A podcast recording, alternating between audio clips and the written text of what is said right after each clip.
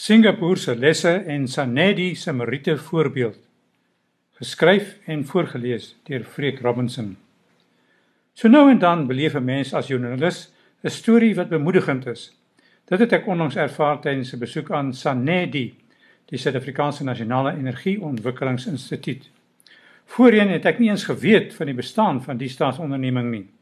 Jy sal kwaliek elders 'n instansie kry waar jy so 'n versameling flinke breinkrag byeen sal vind. Dis almal goed gekwalifiseerde wetenskaplikes wat hulle voltyds toespits op navorsing oor oplossings vir die land se knellende energiekwellinge.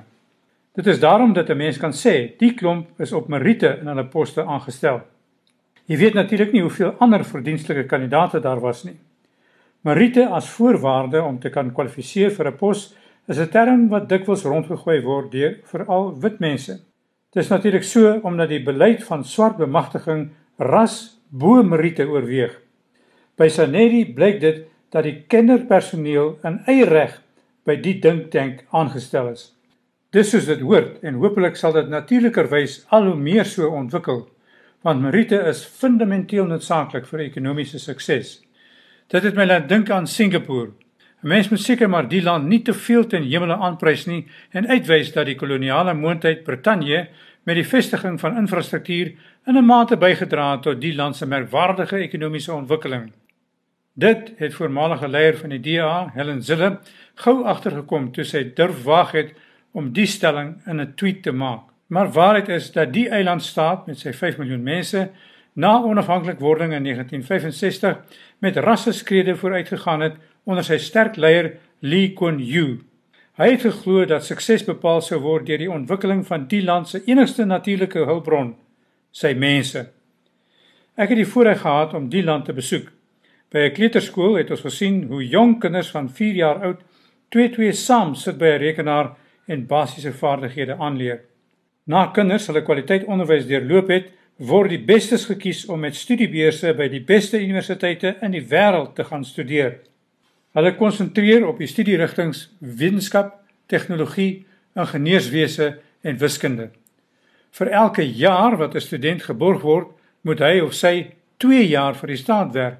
So word verseker dat net die bestes staatsamptenare word. Die ander pilare van sukses in Singapore is meriete, pragmatiese leierskap, die vasvat van korrupsie en om te leer by ander lande. Dis alles baie eenvoudige beginsels wat 'n groot verskil kan maak. By Sanedi is daar 'n meriete basis wat momentum kan kry, maar dis nog nodig dat groter samehorigheid verkry word. Byvoorbeeld, op die oomblik is daar 4 ministeries wat besluite neem oor die ontwikkeling van energiebeskikbaarheid. Sanedi, 'n staatsonderneming, se politieke baas is die minister van minerale bronne en energie, Gwede Mantashe, en nie die minister van openbare ondernemings Pravin Gordhan nie. Dit terwyl Mantashe koel staan teenoor die gedagte om steenkoolkragstasies vinniger uit te faseer. Daarteenoor het Sanedi die spesifieke opdrag om alternatiewe bronne van energie te ontwikkel om te voldoen aan internasionale ooreenkomste vir die vermindering van kweekgasse. Dan is daar die minister van wetenskap en innovasie, Dr. Blyden Zimande, en die nuut aangestelde minister vir elektrisiteit, Sputla Ramogopa.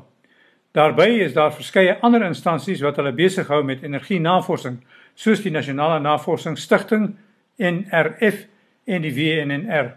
Dit is maar 'n deurmekaar prentjie en getuig nie van pragmatiese leierskap nie. Hoewel daar eilande van uitnemendheid is, sal baie meer gedoen moet word om al die goeie werk te koördineer. Die sweep sal geklap moet word om korrupsie en sabotasie uit te roei. Dit was juis in die energiesektor waar die ewels hoogtyd gevier het. Die laaste les van Singapore is die handhawing van 'n bestendige politieke bestel. As die kiesers in Suid-Afrika aanstaande jaar 'n duidelike mandaat aan die politieke partye gee, kan 'n stabiele politieke bestel daaruit voortvloei.